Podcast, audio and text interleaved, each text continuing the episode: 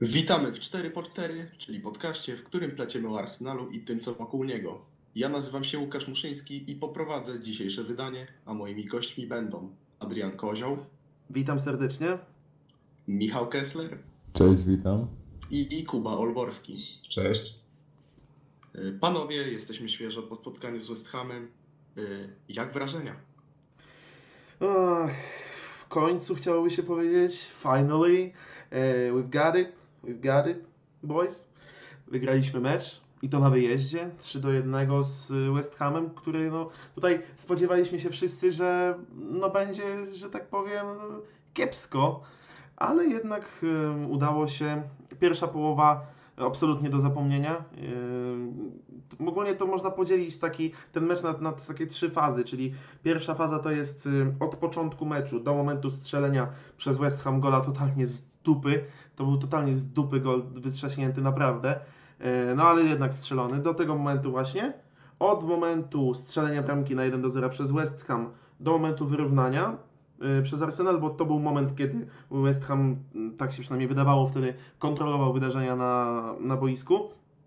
No i ta trzecia faza od momentu strzelenia y, gola wyrównującego przez Arsenal w osobie Gabriela Martinellego do w zasadzie zakończenia spotkania, bo od tego momentu to y, kontrola przeszła na stronę zawodników z The Emirates, czego y, kompletnie się nie spodziewaliśmy. Trzeba na pewno pochwalić tutaj naszą ofensywną trójkę.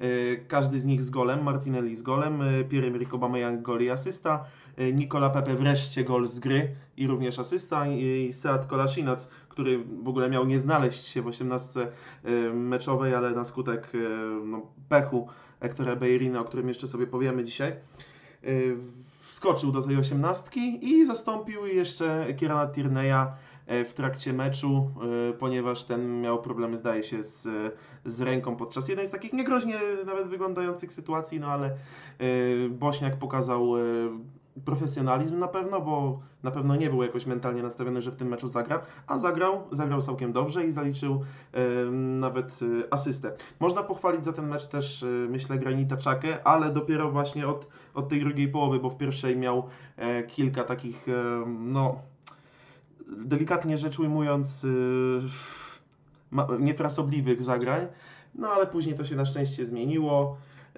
Środkowi obrońcy, myślę, bez zarzutu się spisali. Callum Chambers wreszcie zagrał na stoperze i zagrał całkiem y, przyzwoite spotkanie, zwłaszcza biorąc pod uwagę to, jak do tej pory szło mu na boku. Co jeszcze mogę powiedzieć? No Bernd Leno znowu klasa sama w sobie, przy golu nie miał nic do powiedzenia i Ainsley Maitland-Niles, który w ostatniej chwili wskoczył do wyjściowej jedenastki. No, ale miał masakrycznego pecha przy tym golu e, dla West Hamu, bo to piłka od niego się odbiła i potem zmyliła właśnie, właśnie Leno. Także no myślę, że to tyle z mojej strony. Jak na ten, e, jak na ten moment, jak mi się o czymś przypomni, to jeszcze będę się tutaj e, wtrącał. Także oddaję mikrofon kolegom. Tak już na do części o, o granicie krzace. Tak jak faktycznie doceniłem jego występ z Brighton, gdzie był e, jednym z lepszych zawodników Arsenalu, o ile nie najlepszym obok e, Seada Koleszniaca.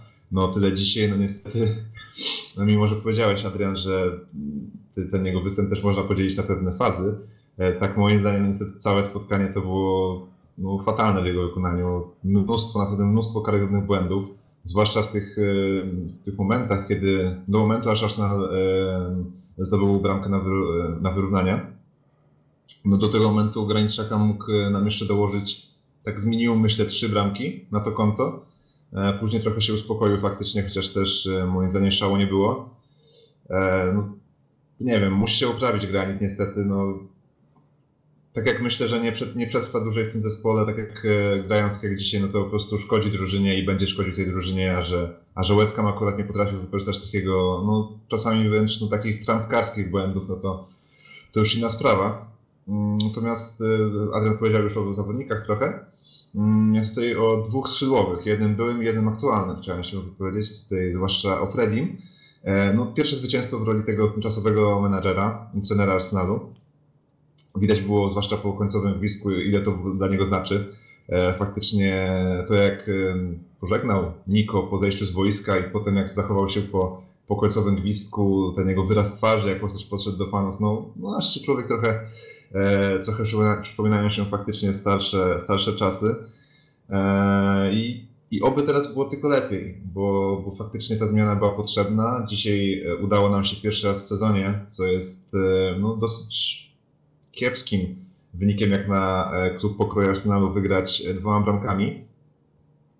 E, Pewnie to nie jest zasługa Frediego, bo jeszcze nie miał na to czasu zbytnio. E, Natomiast e, dobrze było widzieć, że ten zespół się przełamał po, po bramce e, Martinelliego i jakby poszedł za ciosem, nie wycofał się jak to, jak to często było e, za panowania e, poprzedniego naszego trenera, Unai Emery'ego.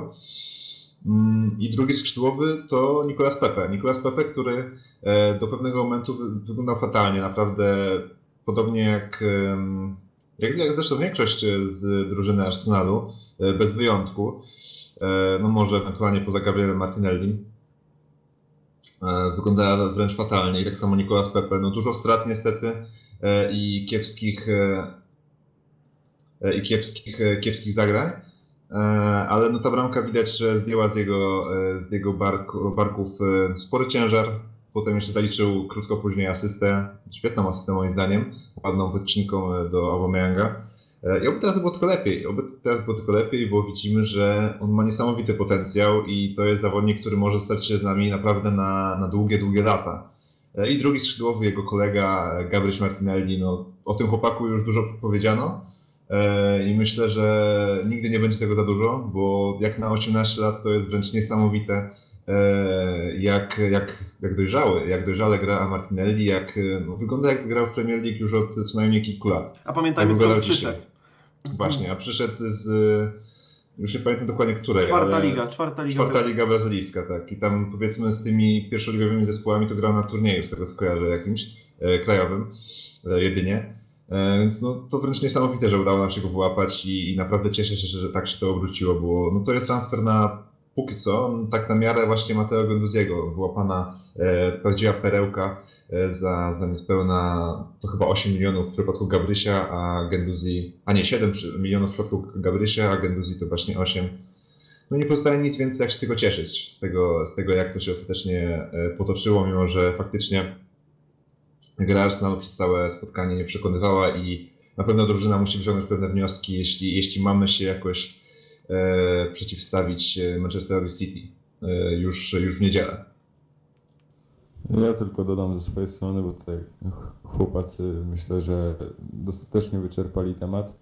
Ja jestem dumny z Martinellego, bo jest to świetny zawodnik.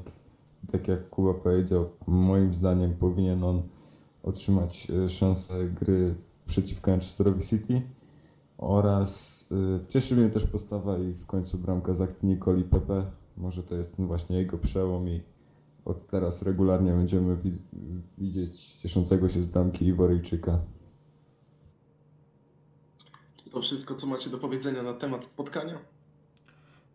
Ja myślę, że chłopaki już powiedzieli wszystko, ja też, także tak, tak, ja myślę, że tak. Przejdźmy zatem dalej. Wspominaliście, że e, Ainsley Maitland-Niles wskoczył w ostatniej chwili do składu, ponieważ na rozgrzewce kontuzji doznał Hector Bellerin, potem e, w meczu e, również drugi z bocznych obrońców doznał kontuzji. Chodzi oczywiście o Kirana Tierney'a. I co sądzicie o tych brakach w kontekście przykładowo na przykład e, dzisiaj występu Seada Kolasinaca, który e, waszym zdaniem był niezły? Znaczy powiem tak, e, zaczyna mnie to troszeczkę irytować, e, ta podatność na kontuzję zarówno w przypadku Bejrina, jak i Tierney'a, bo e, no spodziewaliśmy się znacznie więcej po obydwu.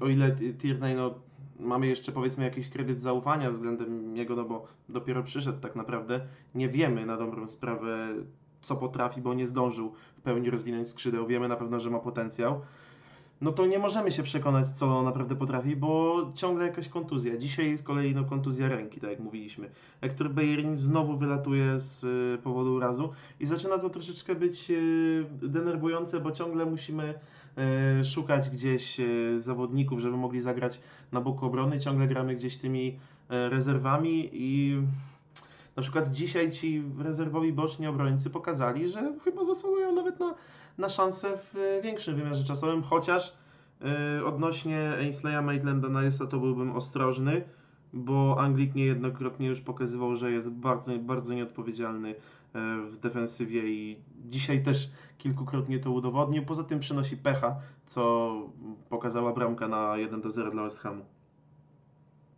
Właśnie też, prawdę mówiąc, powoli em, wyczerpuje się mój pokład cierpliwości co do Hectora Bellerina.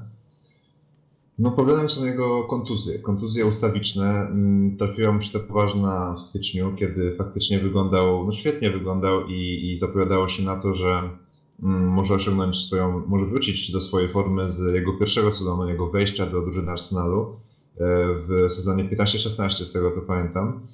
Mm, Wtedy właśnie zachwycił nas e, tymi swoimi ofensywnymi rajdami, dobrą, solidną grą w obronie e, i taką po prostu młodzieńczą, młodzieńczą wariacją Hector Bellerin. E, Później trochę niestety popadł, że tak powiem, w przeciętność wraz e, z rosnącą długością jego włosów. Ostatnio je ściął. Mm, Wydawało się, że nic nie może stać mu na przeszkodzie, aby wrócić do tej naprawdę dobrej formy. No jak niestety widzimy, no to już od powrotu, bodajże pierwszy mecz był właśnie z Leicester e, w Premier League i od tego momentu już chyba trzy urazy, takie pomniejsze, które eliminują go na krótszy, krótszy okres czasu. Niestety, jeśli tak dalej to, to będzie wyglądało, no to moim zdaniem, mimo tego jak naprawdę bardzo szanuję Hektora i jak e, uważam go za prawdziwego kanoniera, jak e, szanuję ile jest w tym klubie, ile znaczy dla tego zespołu, no tak niestety no nie może być wtedy pierwszym wyborem na tą prawą, pozy- na tą prawą obronę, bo no nie mamy dla niego zastępstwa. E, Ainsley Maitland-Niles to niestety nie jest prawy obrońca e, i dzisiaj no niestety pokazał mi, że absolutnie nie mam podstaw do tego, aby zmieniać zdanie na jego temat. No Callum Chambers, no to niestety pierwsze może spotkania były ok, natomiast później pokazano, e, uwydatniły się jego braki, e, zwłaszcza w starciach ze szybkimi, naprawdę dynamicznymi i błyskotliwymi e, skrzydłowymi. I dlatego właśnie potrzebujemy kogoś ściągnąć, moim zdaniem, na tą prawą obronę. Jeśli nie kogoś, kto już teraz zastąpi Bellerina, to kogoś, kto będzie mógł z czasem go zastąpić. E, Kogoś pokroju, myślę, może Maxa Aronsa. E, Ewentualnie, jeśli by- myślelibyśmy już o poważnym zastępstwie, to może e, Yusuf Atal z Nisei. To są takie, takie pierwsze nazwiska, które mi, prawdę mówiąc, przychodzą do głowy w kontekście zastąpienia Bellerina. No, Szkoda by było go tracić, ale niestety, no, jeśli mamy pójść dalej, to sen- pewne sentymenty już trzeba dołożyć na bok i, i jeśli to się nie zmieni, jego podatność właśnie na kontuzję, no to będziemy się musieli niestety rozstać z Hektorem i, i, i nie, ma, nie ma co patrzeć się zbytnio w tył. Ja tu odnośnie Bellerina zwłaszcza będę miał dosyć odmienne stanowisko, ponieważ uważam, jestem po prostu no, przekonany nawet, że jest to człowiek, który niezależnie od tego, czy jest kontuzjowany, czy nie, jest po prostu nam potrzebny. W wymiarze takim, że jest postacią ważną w szatni. Przedstawiałem go jako kandydata nawet na kapitana tej drużyny. Na razie nie powierzono mu tej, tej funkcji, ale podejrzewam, że w niedalekiej przyszłości powinien dostać kolejną szansę, ponieważ y, dla mnie jest to świetny kapitan, świetny człowiek z DNA Arsenalu, którego potrzebujemy, ponieważ jest coraz bardziej zacierany. I nie ma takiej opcji, w której pozbywamy się kolejnego tak oddanego klubowi zawodnika jak Hector Bellerin. Co do tych dwóch urazów, mam nadzieję, że nie są to jakieś, jakieś bardzo długotrwałe urazy, ponieważ o ile Seat Kolasinac w obecnej formie jest w stanie pociągnąć tą lewą flankę, to prawą mógłbym mieć pewne obawy, ponieważ Ainsley Maitland-Niles, tak jak Koła powiedział, nie jest to prawy obrońca i na dłuższą metę, z, zwłaszcza z takimi rywalami, którzy nas czekają w następnych tygodniach, no to może się po prostu nie udać. Mam nadzieję, że jak najszybciej Hector i Kiran wrócą do zespołu i wspomogą drużynę w tych ważnych meczach.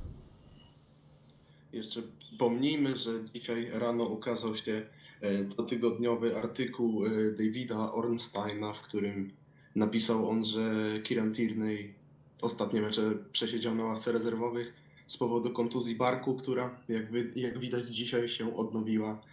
No i niewątpliwie jest to wielka szkoda. Dobrze. Przejdźmy zatem do następnego tematu. E, Dzisiaj pierwsze zwycięstwo na ławce trenerskiej odniósł Freddy Ljungberg.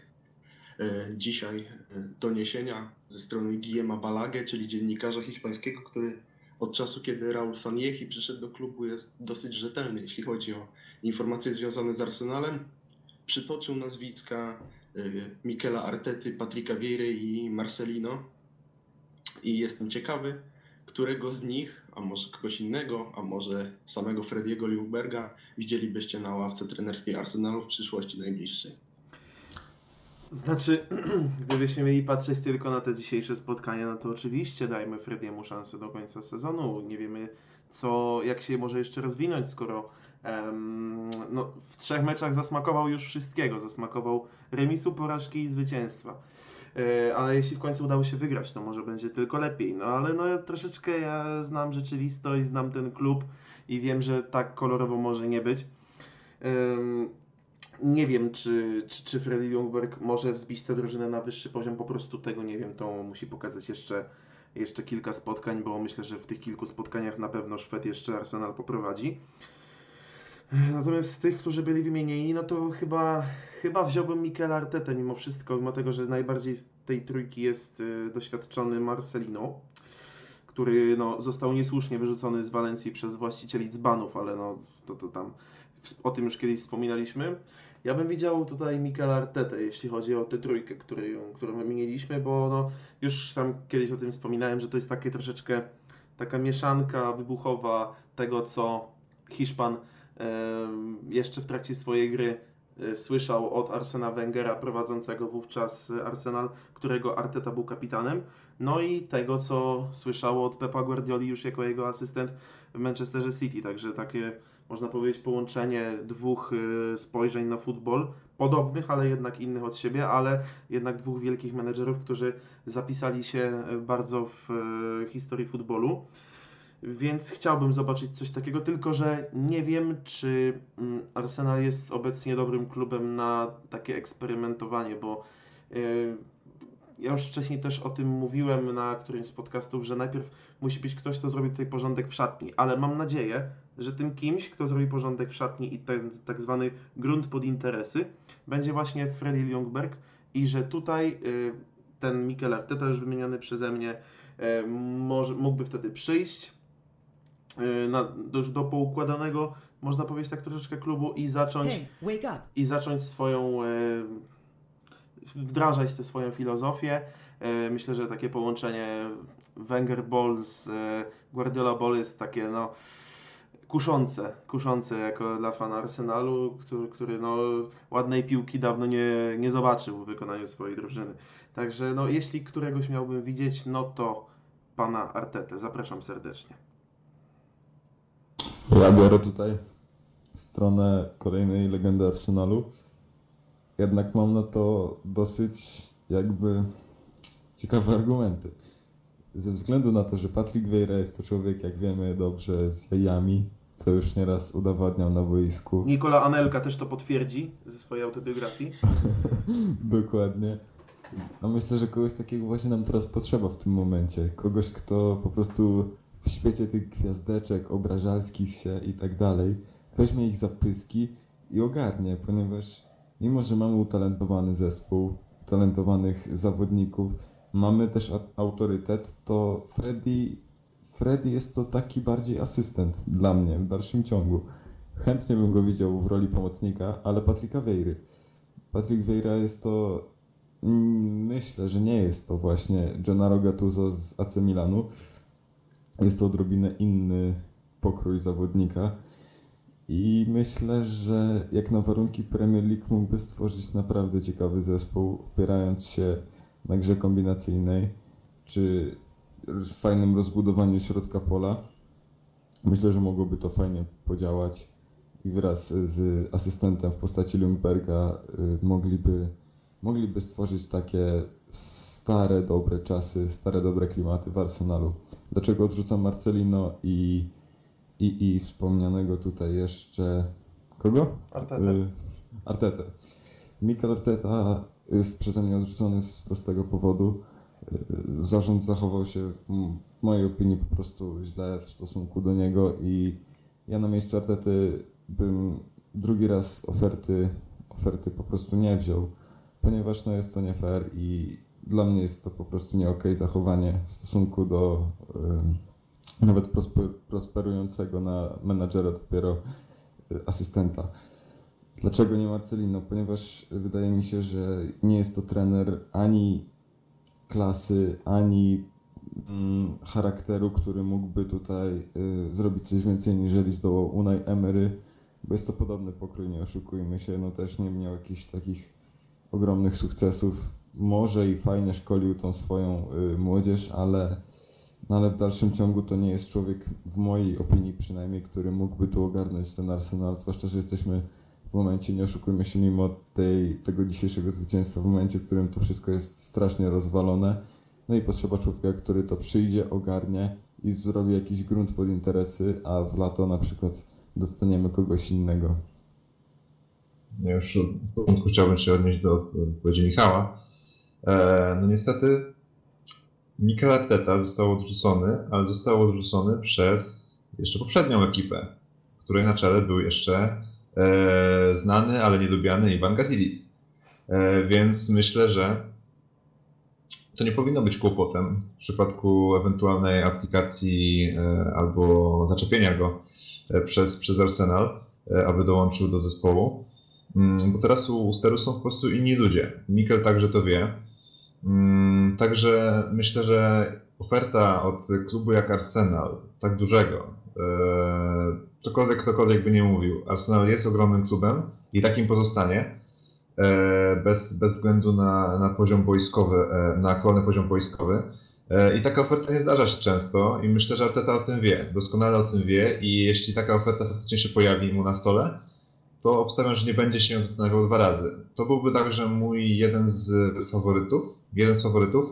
E, Na pewno nie w pierwszej trójce, ale myślę, że czwarte miejsce spokojnie mogę udać na tą chwilę.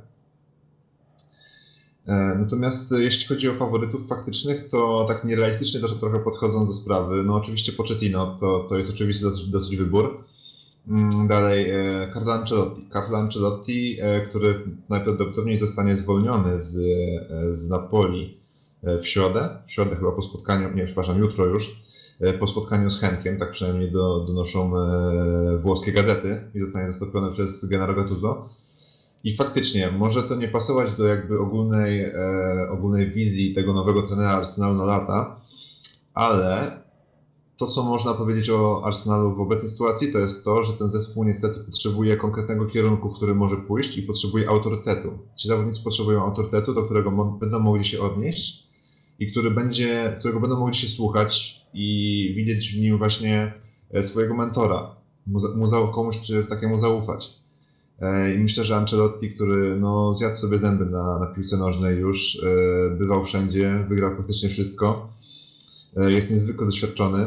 Może niektórzy, może niektórzy powiedzą, że wypalony przez tą przygodę w Neapolu, chociaż tutaj akurat mam swoje zdanie na ten temat. E, I, i, i bynajmniej, bynajmniej nie jest to, e, nie jest to zdanie twierdzące o tym, że e, Cardo jest już wypalonym trenerem. I dlatego to byłby mój drugi wybór.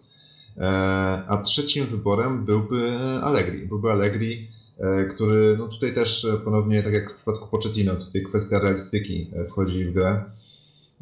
Ale tak, to byłaby piłka przede wszystkim skuteczna. Nie styl, nie murowanie typowe, e, którego nikt nie lubi. Natomiast e, zbalansowana gra i, i poprawa gra w obronie, e, poprawa gry w obronie, tak, tak myślę, żeby to wyglądało za Allegriego.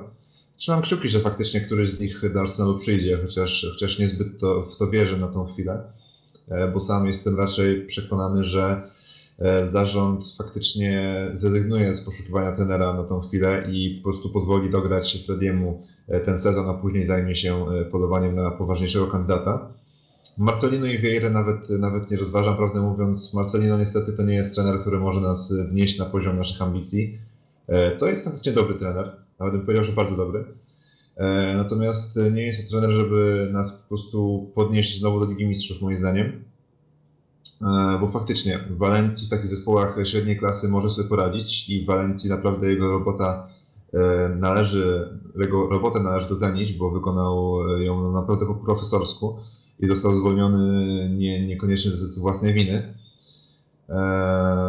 faktycznie zasługuje na szansę, ale może nie w Arsenalu. Ja bym go widział raczej w klubie pokroju właśnie Evertonu, z którym także jest łączony. To jest taki, myślę, e, dla niego idealny kącik, e, klub z aspiracjami, aczkolwiek nie należący do ścisłego topu. My też nie należymy do ścisłego topu, ale chcemy do niego aspirować. Niestety Marcelino moim zdaniem nie jest kimś takim, kto mógłby nas e, tam podobnie wprowadzić.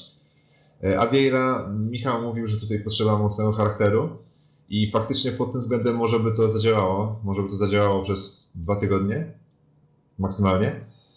A później byśmy wrócili do starej prozy Arsenalu i trzeba zaznaczyć, że Vieira to nie jest świetny trener. On nie radzi sobie w Nicei.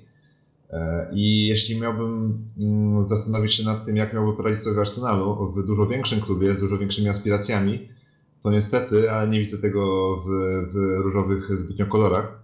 Dlatego Vieira także od, odstrzelam. Jak tak wspomniałem wcześniej, no ja jestem zwolennikiem rozwiązania takiego, że Arsenal mm, zaczeka, przeczeka z Freddiem Ljungbergiem u steru do, do końca sezonu. E, zwłaszcza mając w pamięci to, że e, podobno Josh Kroenke i, rodzina Kroenke ostatecznie pragnie coś zainwestować więcej w, w Arsenal, co jest, co dzisiaj pisało tak Ornstein przynajmniej. E, I patrząc na zachowanie Josha, warto, warto to rozważyć, bo faktycznie może coś w tym być, e, patrząc na jego ostatnie zaangażowanie w sprawy klubowe. I wtedy właśnie w, le, w lecie skupić się na dostaniu jakiegoś e, naprawdę trenera klasy światowej, który będzie mógł zbudować tutaj swoją drużynę. Według własnej wizji, według własnego, własnego jakby ideału. No możemy skupić się na dostaniu, nie wiem, Marco Rose, ewentualnie Tomasa Tuchela. Dzisiaj się pojawiła taka plotka z France Football, ewentualnie Erika Tenhaga, który niekoniecznie musi trafić przecież do Bayernu, e, to nie jest przesądzone, e, ewentualnie Mauricio Pochettino. No, dużo trenerów może stać się dostępnych właśnie w, le w lecie, e, bardziej niż, niż teraz i myślę, że to byłby dobry okres, żeby znaleźć sobie kogoś na długi, długi okres czasu, żeby, żeby zbudował tą drużynę tak, jak mu się żywnie to podoba.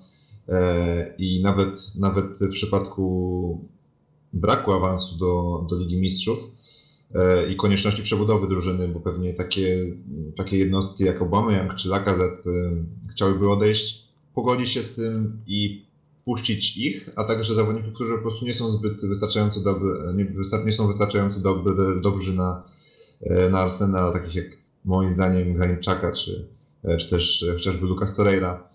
Mm, I po prostu wypuścić ich i, i zbudować drużynę wokół nowych zawodników, których, których pozyska do, do klubu sobie nowy trener i będzie ich faktycznie chciał, e, żeby, żeby tworzyli z nim ten już nowy Arsenal.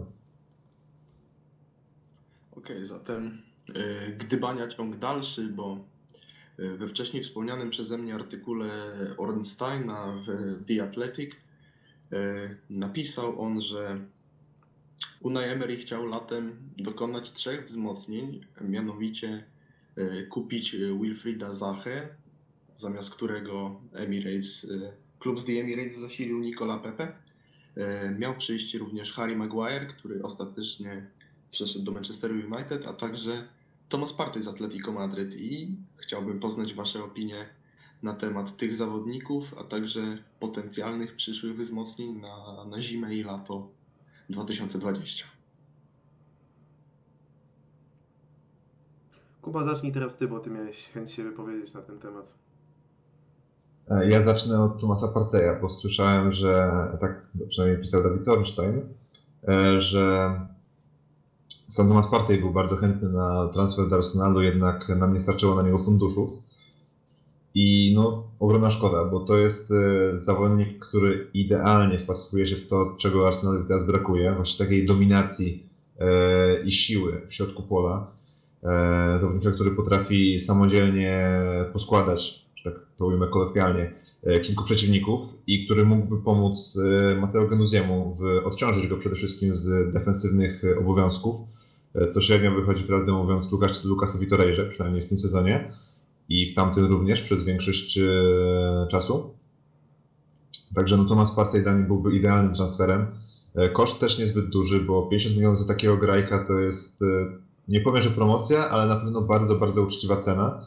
E, którą Arsenal powinien zapłacić, jeśli Thomas nadal byłby chętny na przejście do, do Arsenalu, bo, bo faktycznie oprócz Parteja to chyba na jego poziomie ewentualnie jest e, Ndidi, ale to już e, obstawiam, że kwota, jaką trzeba byłoby za, zapłacić za Nigeryjczyka Leicester, e, no byłaby już e, trochę większa. Trochę mam na myśli raczej 40 milionów, może nawet więcej, no może nie, ale 25 do 30 milionów myślę, że więcej niż za Parteja trzeba by było za Ndidiego zapłacić. E, Co do Zachy, rozumiem e, poglądy tych, którzy uważają, że powinien tutaj trafić zamiast Pepe. Natomiast e, no ja, jestem, ja byłem zawsze wielkim zwolennikiem transferu Pepe. E, Zawsze uważałem, że to jest, e, znaczy zawsze od kiedy o nim usłyszałem, e, że to jest zawodnik z ogromnym potencjałem i, i faktycznie może się okazać tak, że powoli zacznie go realizować, mimo że do tej pory go nie ukazywał w pełni. Mam nadzieję, że tak będzie. E, Zacha też nic straconego, przecież nadal może przyjść do Arsenalu, bo, bo potrzebujemy do tego skrzydła, mimo, mimo obecności w klubie Gabriela Martinelliego. Harry Maguire, prawdę mówiąc, 87 milionów za niego podziękuję. E, Dobrze, że nie trafił ostatecznie do Arsenalu. No, złożyło się na to wiele czynników, ale, ale myślę, że lepiej po prostu teraz skupić się na e, kupnie jakiegoś faktycznie bardzo drogiego obrońcy, e, kogoś takiego jak Dayo Tupamecano może, czy też Jonathan Tah ewentualnie, Ibrahima Konate. E, Jest kilku takich zawodników, którzy naprawdę mogliby, e, Nathan Ake ewentualnie z no to są zawodnicy, którzy mogliby naprawdę wydatnie wzmocnić ten, ten, tą linię obrony e, za no, duże pieniądze, ale duże pieniądze, które z pewnością moim zdaniem by się opłaciły Arsenalowi po krót, w pewnym odstępie czasu. Mm, I to chyba tyle na temat wzmocnień. Ewentualnie teraz zima, to moim zdaniem powinny być minimum dwa transfery. Minimum dwa transfery, to powinien być dojść do klubu środkowy obrońca oraz środkowy pomocnik, bo raczej, raczej prawie pewne jest, że Graniczaka ostatecznie opuści klub w, właśnie w zimę, e, mimo jego powrotu e, do zespołu, co myślę, że ma raczej funkcję taką, aby podbić jego cenę, e, aniżeli taką, chociaż z tym podbicie ceny to różnie może wyjść ostatecznie, żeby podbić jego cenę, aniżeli żeby faktycznie związać go najdłużej z tym zespołem, bo no myślę, że każdy dostrzega to, że nie jest wystarczająco dobry na Arsenal i że można zrobić lepiej. I mam nadzieję, że tak to zostanie rozwiązane w, w styczniu. E, Wiadomo, w styczniu raczej nie przeprowadza się wielkich transferów, ale e, na przykład na środek obrony myślę, że takie wypożyczenie Mericha Demirala z Juventusu, bardzo porządnego obrońcy skądinąd, e, zrobiłoby swoją robotę w Arsenalu na przyszłym, w przyszłym właśnie, w przyszłym roku, w przyszłej e, połowie sezonu. E, I trzeba się na tym skupić, żeby te dwie pozycje obsadzić w zimę e, i zobaczyć, co, co z tego wyjdzie. Raczej już tylko widzę Europy, bo niestety no, Liga Mistrzów w mojej opinii niestety jest e, na chwilę obecną przez e, Premier League oczywiście, no poza zasięgiem Arsenalu. E, Czy tego chcemy, czy też nie. Ja podobnie jak Kuba uważam, że potrzeba nam środkowego obrońcy i pomocnika. Tutaj jednak odnośnie pozycji pomocnika miałbym marzenie, żebyśmy ściągnęli jakiegoś takiego bardziej kreatywnego piłkarza, nie tylko defensywnego typowo na zastępstwo dla Granita Czaki, dla partnera, dla urugwajskiego pomocnika, ale kogoś, kto pokroju z Santiago Cazorli. Cazorli. Mam oczywiście Daniego Ceballosa na wypożyczeniu, ale chciałbym zobaczyć w zespole kogoś młodego, perspektywistycznego, który mógłby faktycznie mieć podobne DNA co Santi. Ciężko nawet mi, szczerze powiedziawszy, wskazać y, takiego zawodnika. Jest taki jeden. No, kto twoim zdaniem? E, szczerze, jeśli miałbym e, wskazać teraz zawodnika, który mógłby dołączyć do Arsenalu i faktycznie przypomina mi kogoś e, z tego dawnego Arsenalu, e, rosyjskiego Kazodle, e, to faktycznie byłby to Jack Grealish. Jack Grealish, moim zdaniem, jeśli Ceballos nagle nie pokaże wybitnej formy po powrocie z kontuzji, to właśnie w niego trzeba władować pieniądze, bo to jest zawodnik, no, którego nam bardzo potrzeba w pomocy. Bardzo błyskotliwy, bardzo szybki, znaczy no może nie bardzo szybki, ale dosyć szybki, na pewno szybszy od Ceballosa, e, dynamiczny, potrafiący faktycznie zrobić różnicę na boisku, czego nam bardzo brakuje właśnie, właśnie w pomocy. E, Dlatego właśnie w bym e, wpakował te pieniądze. No i w tego defensywnego pomocnika, przy, czym właśnie no, Grealish to raczej kwestia już powiedzmy melodia już przyszłego lata, aniżeli, aniżeli tego okienka na, najbliższego. Wracając, Jack Grealish jest to jakaś kandydatura, jednak mocno rozważyłbym jego kandydaturę mimo wszystko, ponieważ no, no czy to jest zawodnik, który ma przed sobą taką klasę, nie wiem. Na, na, na ten moment jeszcze chciałbym się mu bardziej przyjrzeć i wtedy ewentualnie to, co Kuba powiedziałeś, rozważyć. Wracając, w zima to jest dla mnie okres, w którym powinniśmy ściągnąć dwóch dobrych zawodników, którzy zdecydowanie pomogą w realizacji jakiejś myśli, jednakże nie będą takim elementem totalnej przebudowy. W sensie nie chciałbym, aby za tym, że ktoś przyjdzie, ktoś odejdzie. Nie chciałbym takiego manewru przeprowadzać koniecznie w zimę, ponieważ chciałbym z tym przeczekać do lata i wtedy pokazać, że nie jesteśmy klubem, który tylko potrafi kupować, ale także sprzedawać, co w ostatnich latach boleśnie odczuliśmy, ponieważ no właśnie nie sprzedawaliśmy. I mocno na tym klub y, tracił nie tylko finansowo, ale także i moralnie, no bo ci zawodnicy odchodzili w różnych atmosferach. Myślę, że w lato potrzebna jest zdecydowanie większa przebudowa, sprzedaż kilku nawet kluczowych zawodników i kupno w ich miejsce nowych, nowej krwi i przede wszystkim rozpoczęcie nowego projektu. Jednak w zimę to, co jest nam potrzebne, chociażby do jakiejś może jeszcze walki w Lidze Europy o Ligę Mistrzów, czy, czy dostąpienie tego szóstego miejsca jeszcze w Premier League, no to myślę, że środkowy obrońca i pomocnik na ten moment to jest priorytet. Na środek obrony dają tu Pamecano, jest także Ibrahima Konate, jest Issa Diop z West Hamu, który no może w ostatnich tygodniach faktycznie nie jest geniuszem, ale mm, widać w nim potencjał, widać, że może być to facet, który pod odpowiednią obróbką trenerską może stać się naprawdę świetny. No i co by tu więcej dodać? Po prostu trzeba liczyć, że dostaniemy, że Freddy Ljungberg bądź jego następca jeszcze dostanie te pieniądze w zimę i dobrze je wykorzysta. Co do tych tra transferów domniemanych Unai Emery'ego, czyli Wilfrida Zary, e, Tomasa Teje Parteja no, i Harry'ego Maguire'a. Cóż, no, Harry Maguire na pewno byłby kuszącą opcją, bo ten środek obrony u nas kuleje i przyszedł Dawid Luiz na Boga, ale no nie za 80 milionów, no nie, nie, nie, nie, no, nowy rekord transferowy na świecie, koleś gorszy od Virgila van Dijk'a. Co prawda teraz, ostatnio gra na bardzo dobrym poziomie, ale no w sumie bardziej bym powiedział, że to Wiktor Lindelof te obrony United trzyma w ryzach niż, y, niż Maguire, no ale no już powiedzmy, że teraz wszedł na ten, na ten y, wyższy poziom Anglik. Wilfried Zaha to jest mokry sen fanów e, The Gunners już od jakichś dwóch sezonów. E, cały czas się o nim mówi, on też tu bardzo chciał przyjść. Zresztą pamiętajmy, że to jest taki ostatni czas dla niego, żeby wskoczyć na ten wyższy poziom, bo ma 27 lat i ile się można w e, przeciętnym Palace kisić, tak? On w United już próbował wypłynąć na, na takie głębsze wody, niestety nie udało mu się to. Wrócił do Palace, gra, gra tam bardzo dobrze. Pewnie w Arsenalu przydałby się, zwłaszcza na to lewe skrzydło, na którym jest deficyt. Dzisiaj świetny mecz zagrał tam Martinelli, ale ogólnie ta dziura, jeśli tak to w ogóle można nazwać, że, że tak to jest po Aleksie i Łobim, jeśli w ogóle po Aleksie i Łobim mogła powstać jakakolwiek dziura, no to jednak nie została pełni załatana poza, tą, poza tym, tym załataniem przez pieniądze. Całkiem słuszne zresztą. No ale no, ktoś powinien przyjść na, to, na tę pozycję, nie przyszedł i taki za mógłby tutaj być, no ale też w jakiejś powiedzmy rozsądnej cenie, a nie za jakieś 90 milionów, bo, bo też nie o to nam chodzi. Tomasz Partey za 50 milionów, proszę, zapraszam, bardzo chętnie, zawsze, w każdej chwili.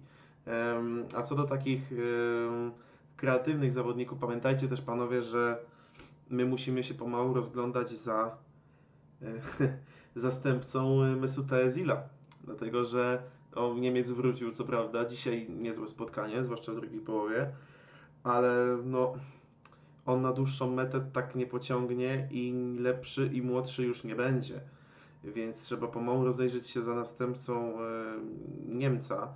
I dla mnie takim zastępcą wymarzonym w tym momencie, chociaż nie wiem, czy chciałby przychodzić do słabszego w tym momencie zespołu, byłby James Madison e, z Leicester no, które w tym momencie jest od nas mocniejsze, co udowodnił bezpośredni mecz. Brendan Rodgers zmiótł po prostu Unai Emery'ego i Arsenal z powierzchni ziemi razem ze swoim e, zespołem z King Power.